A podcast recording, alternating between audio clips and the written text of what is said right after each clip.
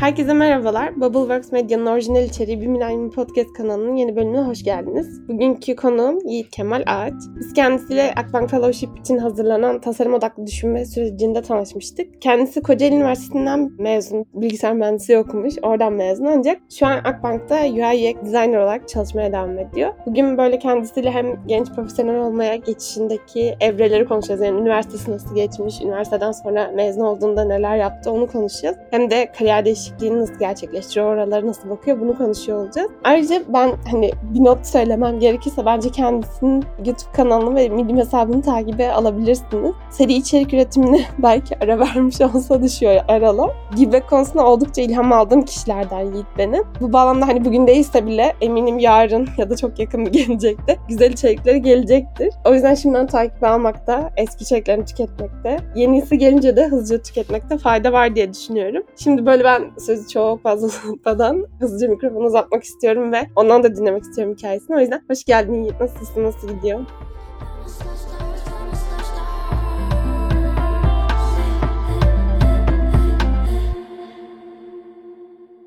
Hoş buldum. Ya iyi gidiyor. Biraz şu an şu dönem dışarıya açık tarafımda bay hiç kimse gibi takılıyorum. Yani hiçbir şey yapmayan, hiçbir şey üretmeyen. O yüzden aslında o başta dediğin YouTube kanalı, Medium kanalı oralarda evet şu anda gerçekten çok aktif değilim. Tabii ki bir şeyler üretmek, bir şeyler ortaya çıkarmak istiyorum ama herhalde bugün en çok söylemek istediğim şeylerden birisi şu an kendi içime içerik üretmekle biraz daha meşgulüm. İçime dönmüş durumdayım. Ya belki şunu da söylemekte fayda var. Yani bu podcast bölümünü ülkemiz büyük bir afet geçirdikten sonra çekiyoruz. Ya depremi çok yakın atlattık ve gerçekten psikolojik olarak nerelere gideceğimizi, neler yapacağımızı biraz kestirememiş durumdayız ve benim gerçekten içime döndüğüm ve kendi kendime kaldığım bir dönemde böyle bir şeyin olması beni biraz daha da içime çevirdi ve yaptığım, üretmeye çalıştığım şeyleri biraz daha sorgulamamı sağladı. Kariyer olarak aslında biraz kendimden bahsedersem şu an biraz daha gözlerimi açmaya çalışıyorum. Çünkü tasarım yapıyorsanız eğer herhangi bir tasarım bu arada. Ben şu an UI designer olarak çalışıyor olsam da bir noktaya kadar gelirsiniz. İşte tool'u öğrenirsiniz. Bir şeylerin temel itibariyle nereye koyulmaya başladığını görürsünüz ve ondan sonra artık biraz daha gözlerinizi açmanız gerekiyordur.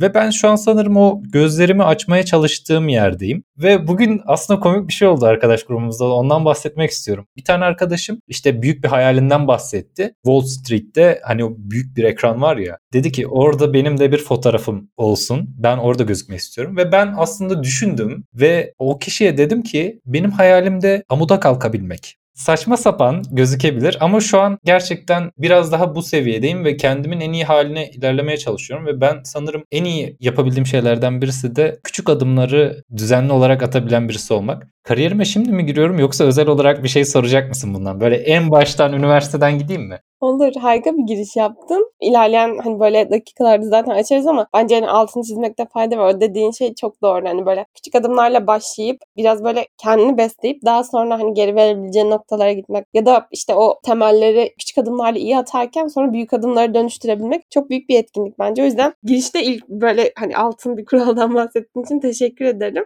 Şimdi şey hani böyle üniversiteyi nasıl tercih etmiştin? Bu bölümü nasıl seçtin? Üniversite yılları senin için nasıl geçti? Hani hangi topluluklara katıldın? Ne gibi sorumluluklar aldın? Ve bunlar seni nasıl evrildi bu noktaya getirdi? Biraz bunlardan bahsedebilirsen, buraları açabilirsen harika olur.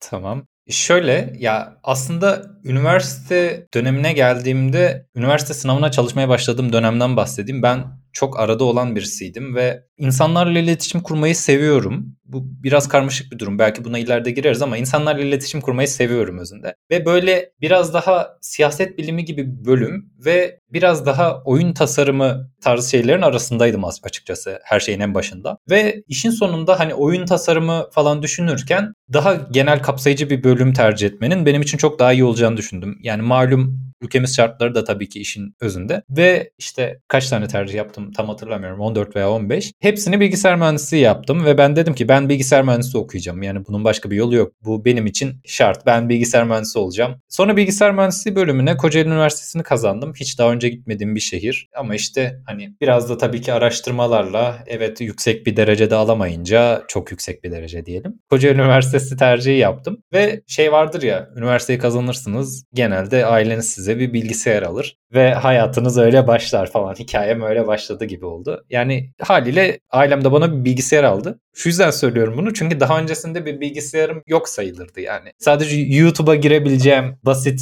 çok temel işlemleri görebileceğim bir bilgisayarım vardı. E, biraz daha iyi bir bilgisayarım olunca benim yaptığım ilk şeylerden birisi biraz bu hani oyun tasarım falan okumak istememden ama tabii ki şu an saçma sapan bir şeymiş. Çünkü alakası yok. Photoshop'u yükledim bilgisayarıma ve hani Photoshop'la beraber paket geldi ve crackliyorum yani. After Effects yükledim ve aslında Photoshop'a yoğun bir şekilde yumularak başladım. Ve şunu da söyleyeyim aslında bilgisayar mühendisliğiyle de alakası yokmuş Photoshop'un. O zamanlar bunları böyle adım adım öğreniyorum. Ve aslında biraz meraklı kişiliğimden sanırım. Hani böyle gidip açıp da hiçbir tutorial izlemedim yani. Ve böyle gördüğüm birkaç şeyi nasıl çizerim, nasıl yaparım diye diye adım adım ilerledim. Ya yani şu an herhalde bir 5-6 aydır Photoshop kullanmadım ama başlangıç böyleydi. Hani Photoshop'u kullanarak. E şimdi bir de mühendislik fakültesinde olunca ve Photoshop da aslında bunlarla alakasız olunca biraz tasarım bildiğinizde kulüpler bazında biraz daha kıymetli oluyorsunuz. Belki hani çevrenizde böyle şeyler denk gelmiştir. Yani biraz çat pat Photoshop bildiğinizde kıymetli oluyorsunuz ve aslında o şekilde bu IEEE diye çok bilinen bir kulüp var hemen hemen her okulda. O kulübe dahil olarak aslında başladım ve biraz da Photoshop bilince ve biraz da sevince tasarımlara böyle yavaştan ben el atmaya başladım. Ve biraz bilmememden kaynaklı, o zamanlar FreePick'i falan bilmememden kaynaklı bu üretmek istediğim tasarımları kendim Photoshop'ta çizerek üretiyordum. Ve aslında hani Photoshop'u yani bildiğiniz bir bebeğin kalem kullanmayı öğrenmesi ve boyama yapmayı kendi kendine öğrenmesi gibi deneye deneye öğrendim. Ya işte biraz da merakım da olunca, renklerle de aram iyi olunca bu çocukluğumdan gelen bir şey aslında biraz da. Tüm kulüpler tarafından aranmaya başladım. İşte başka bir kulüp gelip bize bir afiş yapabilir misin? Sonra bambaşka bir kulüp gelip Yiğit bize bir afiş yapabilir misin? Ya aslında buradan ilerledi ve sonra o kulüplerdeki bağlantılarımla işte bir lisede senelik dergi çıkarıyorlarmış işte yıl sonuna. Lisenin bütün dergisini falan yaptım. Oradan teklif gelmesiyle. Böyle adım adım aslında ilerliyor oldum ve işin sonunda aslında daha fazla kulüple bağlantı haline geçebilmemi sağladı tasarım bilmek ve aslında benim hayatımda en çok şeyi değiştiren bu üniversite topluluklarından bahsediyoruz ya. Sanıyorum ki iki kulüp var. Birisi Genç Tema yine birçok okulda olan ve okulumuzun bilgisayar kulübü. Okulumuzun bilgisayar kulübü sayesinde aslında hem ilk işimi hem de ikinci işimi edindim. Ve hani güzel bağlantılar kurdum. İnsanlara bir şeyler aktarabilmeme destek oldu. Bildiklerimi aktarabilmeme. Ve genç temada da aslında temanın yaptığı klasik şeylerle biraz daha doğayla ve insanlarla daha rahat bağlantılar kurabilmemi sağladım. Onun dışında tabii ki toplum gönüllüleri gibi birkaç kulüpte de aslında birkaç iş yaptım. Bence çok kıymetli dediğin gibi bir üniversite öğrencisinin okula başladığı zaman hani kulüplere katılması ve yapabildiği şeyler üzerinden böyle hani ben bu ekibe nasıl destek olabiliyorum noktasında elinden geleni yapması o sırada ama kendini de tabii farkında olarak veya olmayarak bir şekilde geliştirmesi, kendine bir yol açması şey katılıyorum bu arada. Benim de kendi kişisel bilgisayarım okula geçince olmuştu. Hatta şey KYK hani yatıyor ya böyle birleşik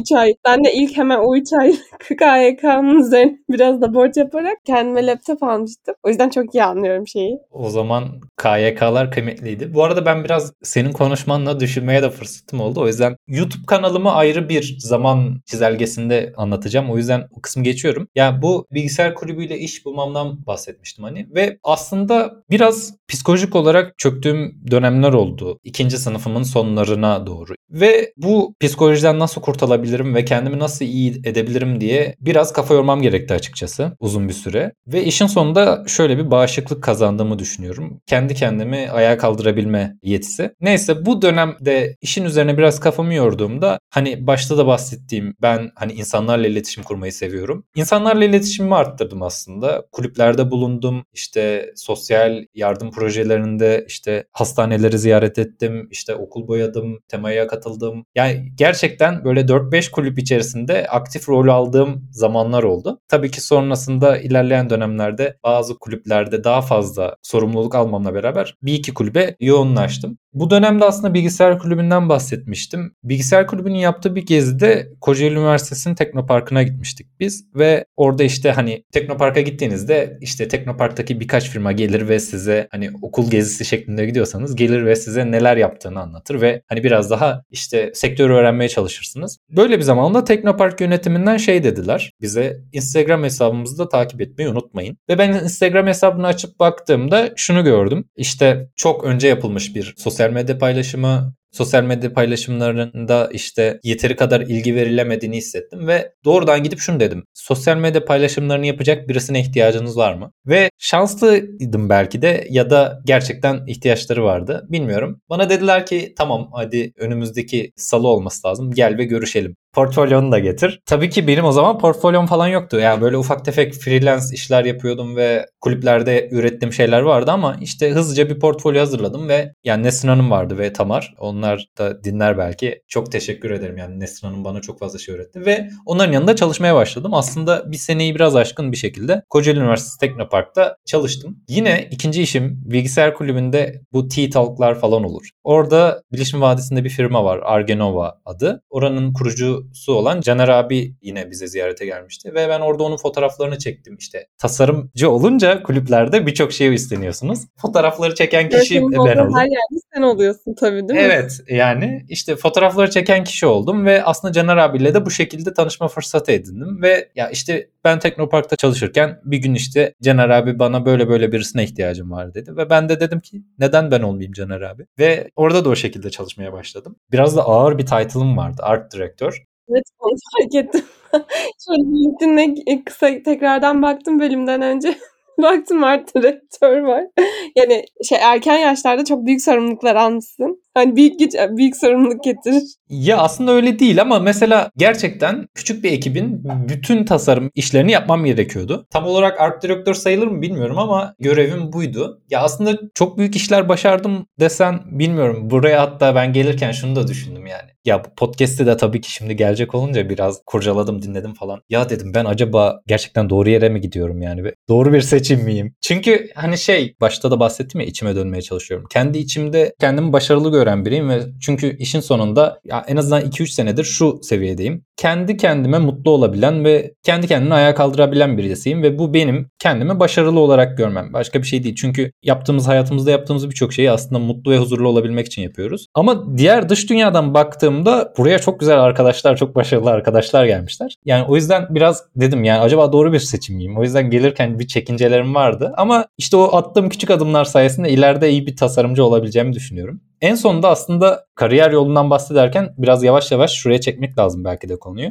Ben Argonova'dan ayrıldım ve Akbank'ın fellowship programına seçildim ve aslında gerçekten hani Medium'da da bununla alakalı bir yazım var. Yani 21. yüzyıl yetkinliklerinde bizi çok iyi bir şekilde yetiştirecek bir programdı. Ve aslında orada Selda Hanım'ın, Ekin'in, Didem Hanım'ın işte adını unuttuğum kişiler özür dilerim. Elimizden tutmasıyla ve hani her şekilde her koşulda önümüzü açmasıyla hem özgüven olarak çok daha iyi bir yere geldim ve hem de dünyaya bakış açımı değiştirmeme çok destek sağladılar. Ve zaten onların da desteğiyle Akbank tasarım ekiplerinden birisiyle beni bağlantıya geçirdiler ve işte böyle ufak bir mülakat, neler yapıyorum, neler yapmıyorum, neler yapmak istiyorum gelecekte gibi ufak bir iş mülakatıyla aslında Akbank'ın tasarım ekibine çok ufak bir, bir şeymiş gibi anlattım ama aslında tabii ki işe alım adımlarını da geçtim yani İK ile falan. Öyle kısaca olmadı bu işler. Evet işte Akbank'ın tasarım ekibinde çalışmaya başladım. Ya aslında Akbank'ın tasarım ekibi deyince insanlar şey diyor yani kurumsal bir firma ve gençlerin gerçekten çok büyük kurumsal firmalara çok fazla ön yargısı olduğunu görüyorum. Bunu arkadaşlarımdan falan da çok fazla görüyorum. Ya işte çok ciddi hareket alanı sağlamıyor gibi. Akbank'taki başka ekipler için belki geçerli olabilir emin değilim ama şu an bulunduğum ekipte önüm çok açılıyor ve çok fazla şey denememe fırsat veriliyor. Burada işte Duygu'nun adını almam lazım. Benim senyörüm diyeceğim. Ya gerçekten ciddi bir tasarım geçmişi olan birisi ve hani ben başta bahsettim ya gözlerimi açmaya çalışıyorum diye. Benim gözlerimi açmama çok iyi bir şekilde yardım ettiğine inandığım birisi. Ve aslında yaklaşık 10 dakikadır bir şeyler anlatıyorum sanırım ama bilgisayar mühendisliği kariyerinden tasarıma doğru gelişim böyle oldu. Ben kulüplerde tasarım işleri yürüttüğüm için işverenler beni tasarımcı olarak aldılar ve ben hep tasarım işlerine girdim ve aslında bundan da çok memnunum. Çünkü sanıyorum ki gerçekten olmam gereken yer burasıydı. Gerçekten iyi işler çıkarabileceğim, üstüne kafa patlatabileceğim yer burasıydı. O yüzden şu an doğru yerde olduğumu ve doğru ilerlediğimi düşünüyorum. Harika, süper. Ben seni biraz dinlendirip diğer sorulara geçeyim. Ama o sırada biraz böyle hem senin söylediklerini toparlamak hem de bazı şeylerin altını çizmek istiyorum. Şeylerden bahsettiğin çok teşekkür ederim bu arada. Bu o detaylardan işte hani ilk işine nasıl dahil oldun, ikinci işine nasıl dahil oldun ve bundan sonraki yolculukta senin için nasıl ilerledi? Bence çok kıymetli şeyler bunlar. Hani böyle zaten kulüpçülüğün ne kadar önemli olduğunu kendimize fark etmemizde ondan bahsetmiştim ama bunun bir böyle şey kapısını açması hani gerçekten genç profesyonel olmaya giden yolda sana ilk iş kapısını açması falan bunun hani ne kadar önemli olduğunu tekrar belirtiyor bence. Önceki bölümlerimde olan böyle konuk olan arkadaşlarım da bunlardan bahsetmişlerdi. O yüzden hani sanırım eğer şu an bunu dinleyen işte üniversiteye hazırlanan üniversitede olan birileri varsa ve atıyorum bir adım atmak istiyorsa en iyi nokta orası olabilir diyebiliriz. Bir ikincisi de bence şey bunu böyle yine önceki bölümlerde de bahsetmiştim. Hatta ilk sezonda kendimde de bahsetmiştim. Bazı şeyler böyle direkt önünüze fırsat olarak çıkmıyor ya da atıyorum bir iş başvurusu görerek ona başvurmuyorsunuz ama siz hani kapıdan giremediğinizde bacayı zorladığınızda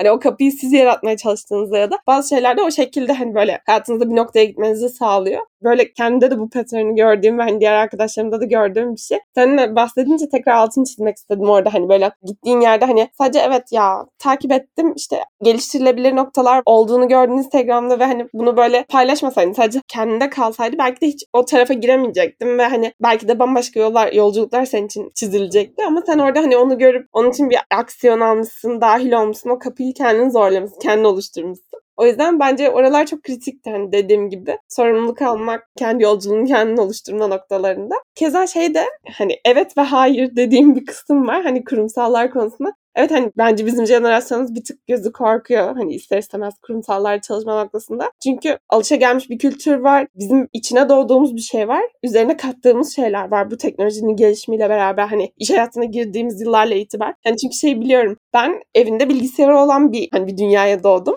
Benim çocukluğumdan beri bilgisayar vardı. Ve hani böyle işte ne bileyim sosyal medya hesabı açmak bu çok hani bize given bir şey. Hani böyle zaten biliyordum zaten vardı gibi. Hani işte Facebook vardı işte Facebook açtık. Twitter geldi işte Instagram geldi. Hepsine çok zamanla hani ben zaten tam bizim böyle ya en azından benim için öyle oldu diyebilirim. Yaşımın hani o evrelerindeydi hani böyle ya artık okuma yazmayı öğrenmişim. Yani evet mesaj atabileceğim işe gelmişim ve Facebook çıktı falan gibiydi. O yüzden böyle çok benim gelişimimle gelişti gibi sanki hani benim büyümemle büyüdü gibi hani sosyal medya çok o yüzden paraleldi ve hem dediğim gibi o içine doğduğumuz dünyanın getirdiği bir kültür o yolculukta edindiğimiz bazı şeyler hani böyle daha belki esneklik sağlayabileceğimiz daha böyle yeni bakış açılarının olduğu şeyleri hani aramamıza sebep oluyor. İş hayatına başladığımız dönemde de ister istemez. Ama dediğim gibi ben de kurumsala geçtikten sonra gördüm ki aslında kurumsallarda da bunu alan yaratan çok fazla ekip ve hani çok fazla yönetici de olabiliyor. O yüzden hani evet ve hayır hani bazı kurumlarda yok da değil bu arada. Hani gördüğüm ya da duyduğum çok fazla şey de olabiliyor. O yüzden bence evet hani bazı kurumlarda var ya da hani var olabilir ama hayır başka şeylere de alan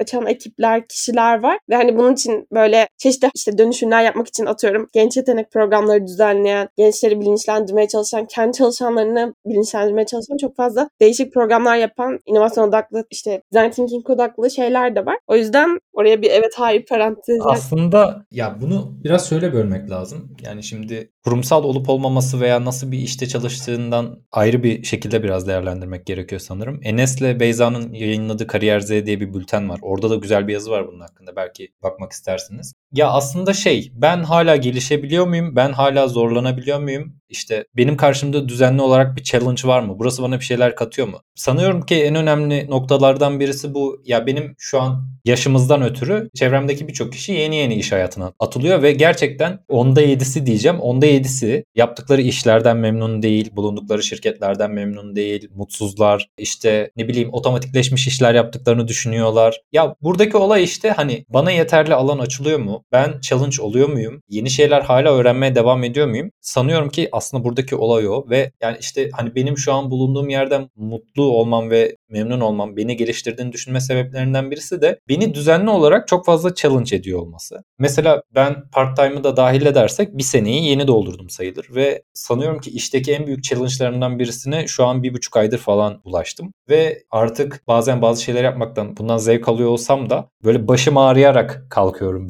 bilgisayarın başından gün sonunda. Ama işin sonunda tabii ki geliştiğimi ve bunun bana bir şeyler kattığını hissedebiliyor olmak güzel oluyor benim için. O yüzden belki de bu challenge kısmını ve sürekli bir challenge halinde olma kısmına biraz önceliklendirmeliyiz. Şirket tipinden daha çok. Ben şeyi merak ediyorum bu arada. Bir UI UX designer günlük hayatında neler yapar? Gün içerisinde nasıl tasklar gelir ona ve bunları nasıl deliver eder yani hani nasıl işi yapar ve atıyorum ekiple beraber nasıl çalışır onu merak ediyorum. O yüzden böyle hani şey kısaca şeyden bahsedebilirsen senin bir günün nasıl geçiyor UI designer olmak nasıl bir şey ve bu tarafta hani atıyorum tasarım yapmaya başlamış ve istekli olan biri hani bu alanı öğrenmek isteyen birileri için hani başlangıç noktası olarak neler tavsiye edersin? Böyle iki soru sormuş oldum. Bir hani şey kısmı senin günün nasıl geçiyor? İki bu yolda yeni başlayan birine neler tavsiye edersin? Bunları duyabilirsek harika olur. Aslında güzel bir soru oldu. Beklediğim de bir soruydu. Çünkü başlangıçta bilerek o yüzden hani ben Akbank'a girdim ve işte hani birkaç senyörümden de bahsettikten sonra durdum ve hani anlatmadım. Üstün körü orada bir timeline halinde şeyden bahsediyordum. Hani kariyerimden bahsederken oraya atladım.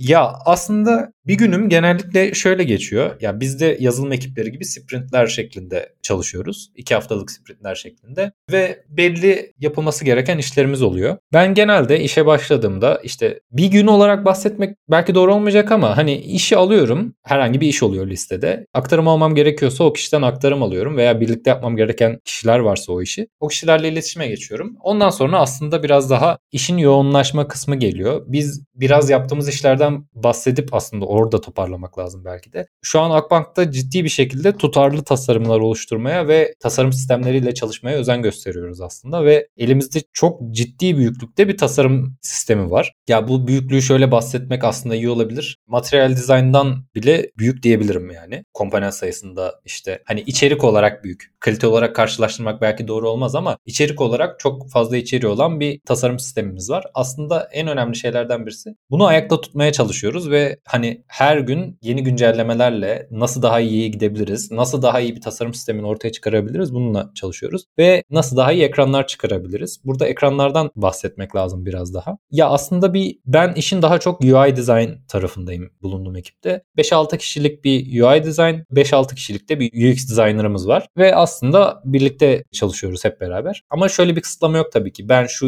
UX design olarak şu işi almak istiyorum dedim de kimse bana hayır git falan demiyor. Ya ama genel itibariyle çalışmamız bu şekilde. Ben UI design tarafındayım daha çok ve bir UX geldiğinde elimize öncelikle hani birkaç konsept üzerinde çalışıyoruz. Konsept UI design dediğimiz şekilde hani hızlıca nasıl gözükebilir, nasıl gözükmeli, nasıl olmalı? Bu yaptığımız şey bizim tasarım sistemimizde, bizim tasarım yapımımızla uyumlu ve tutarlı bir tasarım olacak. Bunun üzerinden geçiyoruz ve işin en sonunda da ince dokunuşları yapmak kalıyor. İşte netleştirmek, grid sistemlerine oturtturmak bu gibi şeyler kalıyor ve onları yapıyoruz. Üzerinden geçiyoruz ekipçe ve sonunda tasarımımız hazır olmuş oluyor bu yola girmek isteyen ve UI UX designer olmak isteyen birisine aslında çok şiddetli tavsiyelerimden birisi ki ben bunu bu arada ne yapmak istiyorsanız o alanda da tavsiye ediyorum. Gerçekten hani elinizi biraz pisletmeniz gerekiyor diye düşünüyorum. Çok fazla çizim yapmak, çok fazla içerik üretmek bu alandaki sanıyorum ki en önemli noktalardan birisi. Hani bu göz açmak diye çok fazla bahsettim. Gerçekten hani içgüdüsel olarak biraz daha sizi kuvvetlendiriyor. Ne kadar fazla tasarım yaparsanız. Yani 50 tane mobil ekran çizerseniz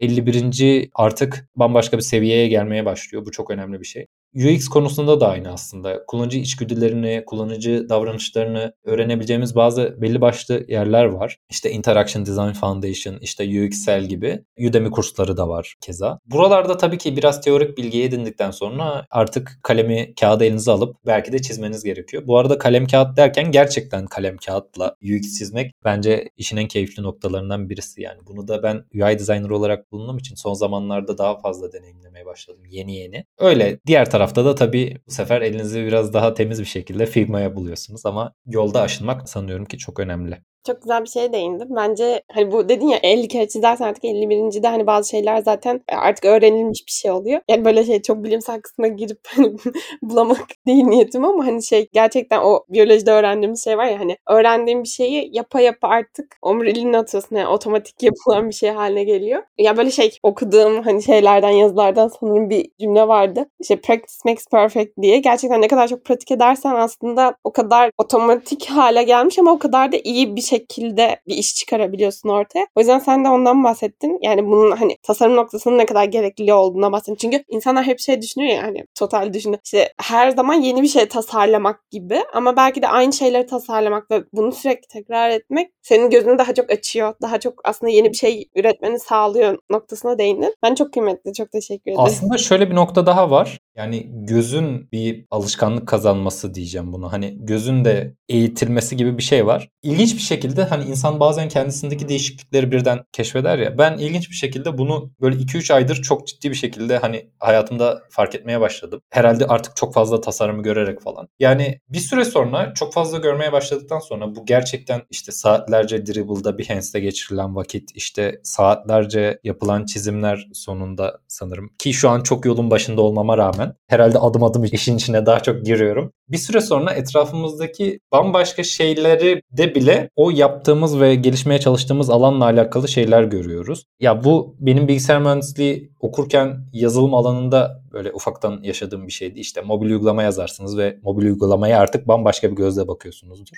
Şu an tasarımda da yani işte sokakta yürüyorsun ve etrafındaki tabelalara, işte kullandığın uygulamalara, oynarken oyun oynuyorsan oynadığın oyunun içerisindeki yerleşimlere, dizilimlere bak şu şurada olsaymış daha güzel olurmuş. Neden burada böyle bir renk kullanmamışlar gibi bambaşka bir şekilde bakmaya başlıyorsunuz. Bence iş buradan sonra biraz daha keyifli oluyormuş. Ben onu fark ettim. Çünkü biraz bakış açısı da değişiyormuş. Burada başta duygudan bahsetmiştim hani hatırlarsan. Ona da bolca teşekkür etmem lazım. Ya gerçekten hani bu av mevsiminde bir sahne vardır. İzlediyseniz filmi. Cem Yılmaz yerdedir ve işte olayı çözemiyorlardır. Ama Cem Yılmaz'ın bir hareketi vardır. Şöyle iki parmağıyla bir hareket yapar ve bakış açısını değiştirmesini sağlar. Orada o olayı çözecek kişilerin. Gerçekten bunu bana hayatımda çok fazla yaptı ve bu alana bakış açımı, bu alandaki ilerleyişimi değiştirdi. Ben hani şeyden bahsetmiştim. Son bir buçuk aydır daha zorlayan bir challenge var. Bu challenge aslında şey After Effects'te bir video üretmeye çalışıyoruz. UI designer'la alakası olmayan bir konu. Ve bu challenge geldiğinde aslında biraz mırın kırın etmiş olabilirim. Hani böyle yap, bir şeyler yaparsınız ve istemediğiniz şeyler olur ama ama işin sonunda şunu fark ettim. Gerçekten artık bir buçuk ay önceki Yiğit'ten daha farklı bir Yiğit'im ve UI tasarımlara bile daha farklı bir gözle bakabiliyorum.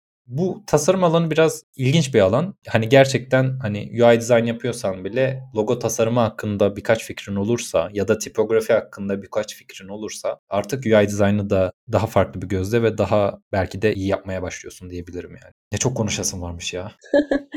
Bence akışta çok güzel paylaşıyorsun. Bir de böyle kendi iş hayatındaki örneklerle de meşleştirdiğin için bence çok kıymetli. Hani özellikle gerçekten atıyorum şey bir ajans gibi bir yerde değil ama büyük bir yapının içerisindeki bir tasarım ekibindesin ve burada deneyimlediklerin tabii ki de dışarıdakilere göre daha farklı oluyor. Burada belki sen daha farklı ekiplerle, daha farklı departmanlarda da bir araya da çalışman gerekebiliyor. Tamamen senin gibi aynı olan insanlarla bir ekipte değil de farklı özellikleri, farklı etkinlikleri olan insanlarla da bir arada oluyorsun. O yüzden bence onlar çok kıymetliydi. Ben bir de şeyi merak ediyorum. Böyle anlatırken günlük neler yaptın ya da hani sıfır noktasından başlarken ya da bu işe yeni başlarken neler yapılması gerektiğini şeyden bahsettin. Kağıt kalemi alıp çizmekten bahsettin. O bence yazmakta da öyle tabii. Yani birçok şeyde de öyle. Hani ilk MVP'sini yapma, aklındakileri dökme noktasında çok efektif bir yöntem. Ve çok da önerilir zaten hani her yerde. Ama ondan bahsederken ben şeyi de merak ettim. Hani biraz da şeyden bahsedeyim. Sonra daha temiz işini yapıyorsun. işte daha dijitalini yapmış oluyorsun diye. Ve eminim birçok şey tool'da deniyorsundur. Hani bu yeni işte yapay zeka ile tasarımın buluştuğu noktalardaki tool'ları falan. O yüzden şeyi merak ediyorum. Hani UI UX tarafında çalışan biri olarak bu alanın hani nereye evrilecek gelecekte, işinin geleceği hakkında ne düşünüyorsun? Teknolojiyle beraber neler yapılabilir daha bu alanda? Onlar hakkında ne düşünüyorsun? Çok merak ettim. Ya aslında biraz UI UX dizaynın belki bu fikrim biraz tartışmaya açık ama ilerleyen zamanlarda yazılımın bir tık önüne geçeceğine inancım var. Çünkü no-code tool'ları ve yazılım üretmenin gitgide kolaylaşması, sürükle bırakın kolaylaşması gibi sebeplerle aslında biraz o şekilde o tarafta öne geçeceğini düşünüyorum. Çünkü tasarım yapmayı biliyorsan artık Framer gibi tool'larla birçok şeyi kolayca hayata alabiliyorsun. Bu arada tabii ki hani şu kısmını atlıyorum. İşte çok hardcore şekilde yazılım üreten insanlar var. Çok hardcore şekilde yazılım çıkaran insanlar var. Bunları atlıyorum ama işin bu tarafında ben UI UX dizaynın önümüzdeki günlerde çok daha kıymetli hale geleceğine inanıyorum. Burada şu da denebilir tabii ki. Hani yapay zeka da bir UI UX dizayn çizimler üretmeye başladı. Burada ne düşünüyorsun? Ya aslında biraz şu var. Gerçekten önümüzdeki günlerde UI UX design öne çıkabilir. Hatta 10 sene sonra yok olabilir. İkisi birbirinden bambaşka şeyler olmasına rağmen. Ama hani sonuçta bizler bu yüzden hani kendimizi geliştirmeye çalışıyoruz. Adım adım bir yerlere ilerlemeye çalışıyoruz ya. Adapte olabilme yeteneğini kazanabilmek bence çok kritik. Ve hani biraz da şu. Az önce de bahsettim. Bu hardcore düzeyde yazılım yapan insanlar her zaman hardcore düzeyde yazılım yapmaya devam edecekler. Çünkü onlar bir şeyler üretmek zorunda olacaklar. Ya işte orada da hani o alanda çalışabilecek niş insanlar arasında yer alabilmeyi istiyorum. Orada kalabilmek için. Ya biraz daha sanıyorum ki hani işlerimizi kolaylaştıracak makine yani neredeyse bir 300 yıldır insanların işini çok fazla kolaylaştırıyor ama yeni yeni işler türetiyor ve adapte olabilme yeteneğimizi koruyabilirsek ben bu iş içerisinden sıyrılıp çok daha iyi şeyler başarabileceğimizi düşünüyorum. Çünkü aslında işimizi alacak bir şey değil, bizim daha iyi işler yapmamıza yardım edebilecek bir şey olduğunu düşünüyorum. Ben de katılıyorum. ben de ChatGPT benzer tool'ları çok fazla kullandığım bir dönemdeyim. Bazen böyle ilk düşündüğün zaman da şey diyorsun ya hani benim yapabileceğim ya benim belki atıyorum bir saatte çıkaracağım şeyi hani dakikalar saniyeler içerisinde çıkarıyor. Ama aslında bilgiyle beraber oradaki şeyi harmanlayınca ortaya daha gerçekten profesyonel şeyler çıktığını düşünüyorum ben de. O yüzden teknolojiden korkmayın sevin. Onları nasıl daha iyi kullanabiliriz Yani aslında biraz şöyle ya mesela sadece kendi alanından bahsedecek olursam bir ekran tasarlamamız yapmamız gerekiyor diye düşünelim. İşte ne olsun bir hadi Akbank'ta çalıştığım için bir para yönetim uygulaması tasarlıyoruz diyelim. Ve hani bunun için aslında yaptığımız şeylerden birisi bu esinlenmek değil ama diğer kişiler, diğer firmalar ya da diğer insanlar neler yapmış bunları incelemeye alıyoruz çok derin bir şekilde. Yani bir proje üretilirken. İşte internette de birçok kaynak var işte Dribble, Behance gibi ya da gerçekten kullanımda olan uygulamalar gibi şeyler var. Ama bize ileride şöyle bir esnek kazandırabilecek şu an bile yavaş yavaş başladı. İşte bana şöyle şöyle şunları yapmamı sağlayan bir para uygulaması tasarımı yapar mısın? Yapıyor ve artık sen saatlerce yapacağın araştırmayı saniyelere düşürüyorsun ve ilham almak için çok daha hızlı bir kaynağın olmuş oluyor ve artık sen insanların neye ihtiyacı olduğuna göre sınıflandırarak daha iyi bir tasarım ortaya çıkarabiliyorsun. Bir şeyleri daha iyi yapmamıza e, olanak sağlıyor. İleride işimizi alırsa orasını bilmiyorum. Orada adapte olabilme yeteneğiyle ve elimizdeki yetenekleri nereye yönlendirebileceğimizi sanıyorum ki yönleneceğiz. Bu yüzden de aslında biraz daha UI designer değil, visual designer olarak hayatta devam edebilme çabasındayım. Ama tabii ki önceliğim UI design.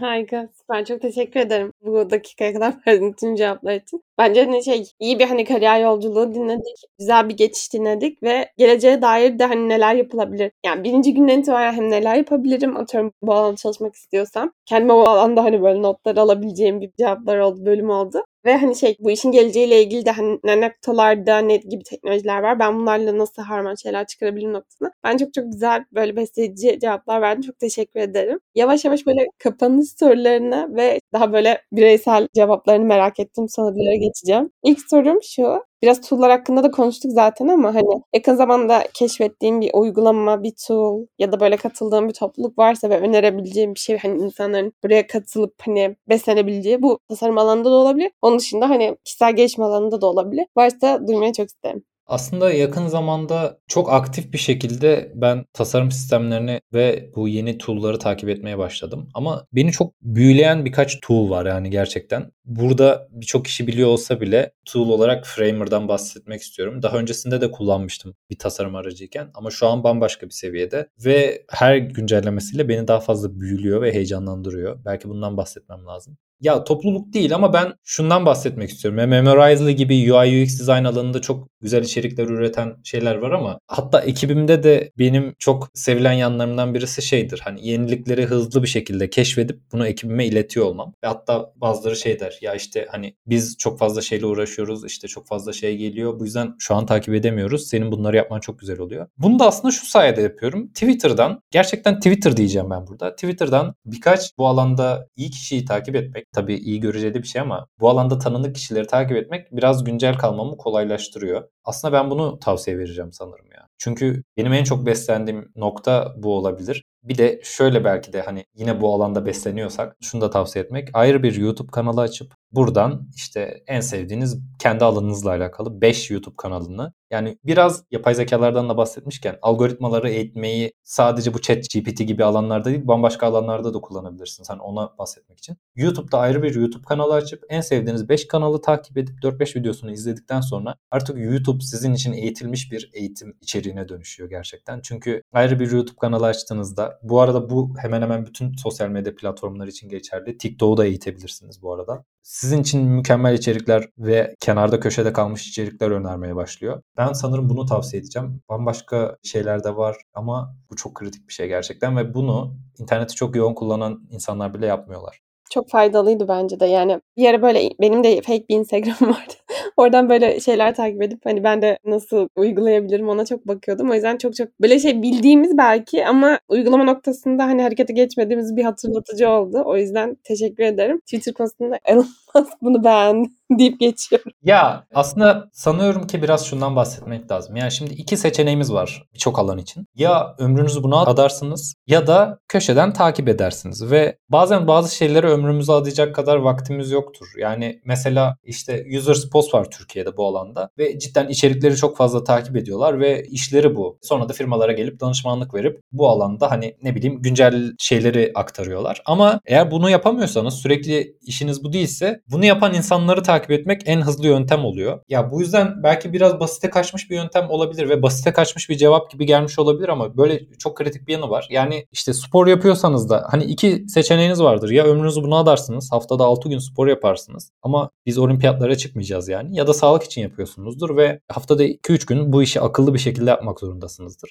Bana akıllı yöntemi buymuş gibi geliyor. Algoritmaları eğitmek. Süper. Bir diğer sorum da şey. Ben böyle doğu kültürüne çok ait çok fazla şey tüketmiyordum ama son zamanlarda ilgimi çekmeye başladığı için ve algoritma benim karşıma çok çıkardığı için işte müziği olsun, işte dizileri olsun, filmleri olsun bunları çok tüketmeye başladım. İşte K-pop dinlemeye başladım, atıyorum anime izlemeye başladım gibi gibi. Ve buna çok ön yargılıydım bu arada. Hani asla izlemem, asla yapmam, asla dinlemem diyordum. Senin böyle hem asla yapmam deyip başladığın bir şey olabilir ya da hani böyle guilty pleasure diyebileceğin bir şey olabilir. Hayatında böyle bir şey var mı? Paylaşabilir misin? Ya asla yapmam dediğim bir şey emin değilim ama guilty pleasure diyebileceğim şey sanıyorum ki oyun oynamak. Yani bunu genelde insanlar bahsederken suç gibi bahsediyor ama benim kaçış noktalarımdan birisi herhalde o ve hayatta ilerlemeye çalıştığım noktadan beni uzaklaştıran şeylerden birisi de olabilir. Ama beni ciddi manada rahatlattığını düşünüyorum ve aslında o yüzden cevabım oyun oynamak olacak. Ciddi bir Call of Duty fanatiyim. Senelerdir çocukluğumdan beri oynarım yani ve çok severim. Tabii ki şu an çocukluğum kadar sık oynamıyorum ama canım sıkkın olduğunda, moralim bozuk olduğunda, rahatlamam gerektiğinde özellikle giderim ve Call of Duty oynarım.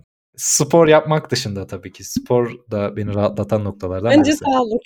evet önce sağlık. Yani aslında burada belki şundan da bahsetmek lazım. En başta böyle bir yaklaşık 45 dakika önce şey dedim hani hedeflerimden birisi amuda kalkmak. Bu gerçekten şey değil bu arada. Böyle salladığım başka bir şeyden bahsetmek için kullandığım bir şey değil. Ve gerçekten hedefim bu. Çünkü şundan bahsetmek istiyorum biraz. Böyle hani bir ergenliğin böyle ortalarını geçmişsin hafif sonlarına doğru bir aklın daha başına geldiği ve hedeflerine ilerlemek için neler yapman gerektiğini biraz daha kestirdiğin. İşte hayatında hedeflerini biraz daha belirginleştiği bir zaman vardır ya. İşte o zamandan beri ben şey yaparım işte. Hedefler yazarım. Her yıl başında bir liste yaparsın. Bu yıl bunları gerçekleştireceğim falan. Bana gerçekten çok katkısı oldu bunların. Şimdi o yalan söyleyemeyeceğim ama mesela 10 tane hedef yaparsın gerçekten 2-3 tanesi gerçekleşir. Belki bu 2-3 tane yeterlidir ama genelde böyledir yani. O hedeflerin birçoğu kalır. Yapan insanlara saygım sonsuz. Ama bu sene tek bir hedef yazdım kendime. Bulunduğumuz çağ için çok belki de zor bir hedef. Ben dedim ki bu sene yaptığım şeylere gerçekten odaklanmaya çalışacağım. Gerçekten odaklanacağım. Benim bu seneki hedefim bir şey yapmak, bir şey yapabilmek.